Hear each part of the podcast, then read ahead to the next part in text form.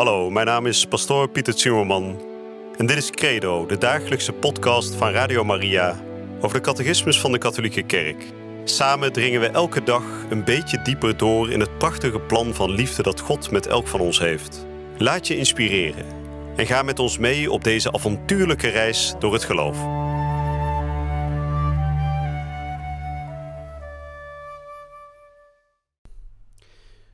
Vrienden, we zijn weer terug bij het programma Credo en we gaan vandaag weer doorspreken over de drie ene God. We hebben daar de afgelopen dagen al over gesproken.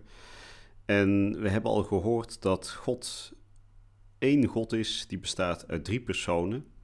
En dat we deze God alleen maar kunnen kennen door zijn openbaring. Dat betekent door datgene wat God ons toont in de Bijbel, in de Heilige Schrift, in het Oude Testament, in het Nieuwe Testament natuurlijk met name door zijn zoon Jezus Christus. En we gaan vandaag spreken over die openbaring nog wat meer. Over hoe de Vader, hè, dus de Vader van Jezus, wordt geopenbaard door zijn zoon. Hoe Jezus met name ons laat zien wie die hemelse Vader is. En daarna gaan we ook nog kort even spreken over hoe de Vader en de Zoon samen worden geopenbaard door de Heilige Geest. Eigenlijk heel logisch, want als we de Vader alleen maar door Jezus Christus zelf zouden kunnen leren kennen, dan zouden we hem vandaag de dag niet kunnen leren kennen. Hè? Want Jezus Christus is nu niet uh, op die manier op aarde zoals hij dat 2000 jaar geleden wel was. Dus hoe kunnen wij, anno 2023, of in welk jaar al we ook leven, God, de Vader en de Zoon kennen? En hoe kunnen wij die twee personen kennen? Nou, door de Heilige Geest natuurlijk. Als er geen Heilige Geest zou zijn, dan zouden wij in onze tijd de Heer niet kunnen kennen. Dus de Heilige Geest is degene die voor ons inzichtelijk maakt wat Jezus destijds inzichtelijk maakte aan de apostelen. Hij is degene die voor ons de schrift ontsluit en die ons de betekenis van de sacramenten laat kennen. En die ons dus laat zien wie die vader en die zoon zijn. Nou, ik zal vandaag beginnen met het bidden van het Onze Vader, omdat in dat Onze Vader Jezus Christus aan zijn leerlingen al enkele hele belangrijke dingen over de Vader leert, wie hij is en hoe wij tot hem behoren te bidden. In de naam van de Vader en de Zoon en de Heilige Geest. Amen. Onze Vader, die in de hemel zijt, uw naam worden geheiligd, uw rijk komen. Uw wil geschieden op aarde zoals in de hemel. Geef ons heden ons dagelijks brood en vergeef ons onze schuld, zoals ook wij aan anderen hun schuld vergeven. En leid ons niet in bekoring, maar verlos ons van het kwade. Amen. Vrienden, vandaag behandelen we de nummers 238 tot en met 244. En ik ga meteen lezen, want het zijn iets langere nummers dan anders. De openbaring van God als drie-eenheid. De Vader geopenbaard door de Zoon. Veel godsdiensten kennen het gebruik God als Vader aan te roepen. De Godheid wordt vaak beschouwd als Vader van de goden en de mensen in Israël wordt God Vader genoemd, in zoverre hij schepper van de wereld is. God is nog meer vader op grond van het verbond en de gave van de wet aan Israël, zijn eerstgeboren zoon. Hij wordt ook vader van de koning van Israël genoemd. Hij is heel in het bijzonder de vader van de armen, van de wees en de weduwe, die onder zijn liefdevolle bescherming staan. Door God met de naam Vader aan te duiden, wijst de taal van het geloof voornamelijk op twee aspecten. Namelijk dat God van alles de eerste oorsprong is en de transcendente autoriteit, en dat Hij tegelijkertijd goedheid en liefdevolle zorg is voor al zijn kinderen. Deze ouderlijke genegenheid van God kan ook met het beeld van het moederschap tot uitdrukking worden gebracht. Een beeld dat veel leer de immanentie van God, het innige contact tussen God en zijn schepsel aangeeft. De taal van het geloof put zo uit de ervaring die een mens van zijn ouders heeft, die in zekere zin voor hem de eerste vertegenwoordigers van God zijn. Maar deze ervaring zegt ook dat de menselijke ouders kunnen falen en dat zij het beeld van het vader- en moederschap kunnen misvormen. Dan dient men voor ogen te houden dat God het menselijk onderscheid in geslacht overstijgt. Hij is nog man, nog vrouw, hij is God. Hij overstijgt eveneens het menselijke vader- en moederschap. aangezien Hij er de oorsprong en de maat van is. Niemand is vader zoals God het is. Jezus heeft geopenbaard dat God vader is in een ongehoorde zin. Hij het niet als, alleen als schepper. Hij is eeuwig vader met betrekking tot zijn enige zoon, die van zijn kant eeuwig alleen maar zoon is met betrekking tot zijn vader. Niemand kent de zoon tenzij de vader. En niemand kent de vader tenzij de zoon, en hij aan wie de zoon het wil openbaren. Daarom beleiden de apostelen Jezus als het woord dat in het begin bij God was, en dat het woord God is.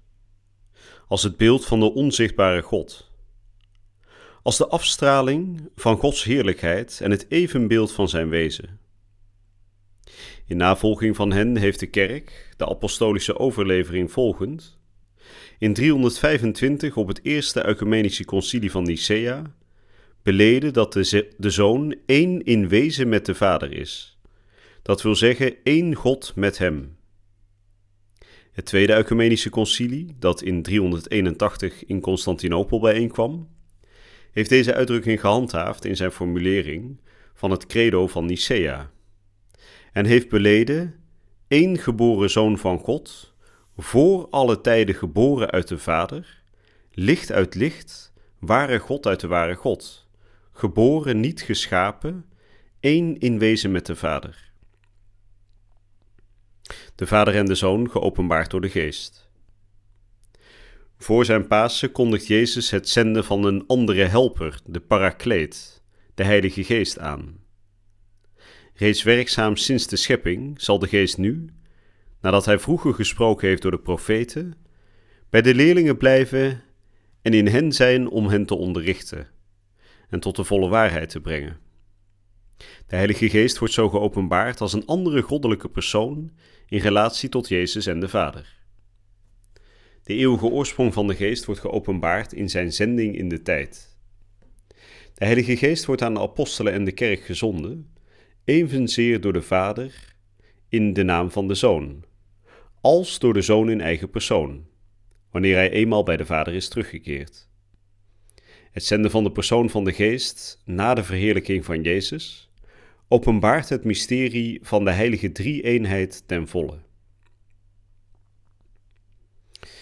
Nou, dat waren de woorden voor vandaag ja, uh, er wordt weer behoorlijk wat gezegd natuurlijk. Er wordt gesproken over als, uh, God als vader. Dat we dit ook in andere godsdiensten zien, maar in, onze, in ons geloof, hè, in het uh, oude Jodendom, hè, wat later natuurlijk voor ons is overgegaan in het christendom, zien we dat God een vader is die zorg draagt voor zijn schepping en voor met name de mensheid, zijn kinderen. En we zien dan het beeld van God als een transcendente autoriteit die tegelijkertijd ook liefdevol is. En daarin zien we dus dat God lijkt op een vader, hè, is als een vader. Maar we zien dat hij ook moederlijke aspecten heeft. Hè. Hij is ook zijn volk heel nabij. Hij, hij draagt ook echt zorg voor zijn volk. Dus in die zin zou je ook kunnen zeggen, hij is moeder. En de catechismus zegt dan ja, God die overstijgt eigenlijk deze menselijke begrippen van vader en moeder, want hij is er zelf de oorsprong van. Hè? Hij is als, als vader wordt hij natuurlijk aangesproken, maar bij hem vindt alles wat wij vaderschap noemen, vindt bij hem zijn oorsprong. Dus hij is op een, een soort van overstijgende manier, is hij de vader van alle vaders. Nou, vervolgens wordt er een hele belangrijke zin aangehaald. Hè. Dan worden er twee concilies genoemd. Eerst het concilie van Nicea in 325 een concilie is een kerkvergadering waarbij de paus en alle bisschoppen samenkomen om over wezenlijke thema's van onze kerk te praten. dus in 325 en vervolgens in 381 in Constantinopel. En dan wordt er gesproken over de formulering van het credo van Nicea. Nou, dat credo van Nicea, ehm, dat is het credo wat wij op zondag altijd bidden. En daar staat heel duidelijk hoe dat nou precies zit met die vader en die zoon. Hè, hoe die verhoudingen nou precies zijn. En ik herhaal nog één keer die zin uit dat credo, wat we ook elke zondag altijd bidden. Namelijk het volgende, dat gaat dus over uh, Jezus Christus. Hè? Hij is één geboren zoon van God, voor alle tijden geboren uit de Vader, licht uit licht, ware God uit de ware God, geboren niet geschapen, één in wezen met de Vader. Nou, dat is een hele uh, mond vol, maar wat staat hier de Zoon, Jezus Christus, is net zo oud als de Vader, zou je kunnen zeggen. Hij is tijdloos, hij is eeuwig. Dus hij bestond al voor de schepping, hè, voordat de tijd bestond. En hij is niet geschapen door God, de Zoon, want hij is zelf één in wezen met de Vader. Dus hij is zelf net zoveel God als de Vader God is. dus hij is niet geschapen, wij zijn allemaal schepselen, wij zijn allemaal um, als het ware gemaakt, geboetseerd door God. Maar dat geldt voor Jezus Christus niet. Hij is niet gemaakt door God, hij is voortgekomen uit God, hij is geboren uit God, voor alle tijden. Nou, en in die zin is hij dus ware God uit ware God, licht uit licht, zoals uh, het credo dat zo mooi omschrijft.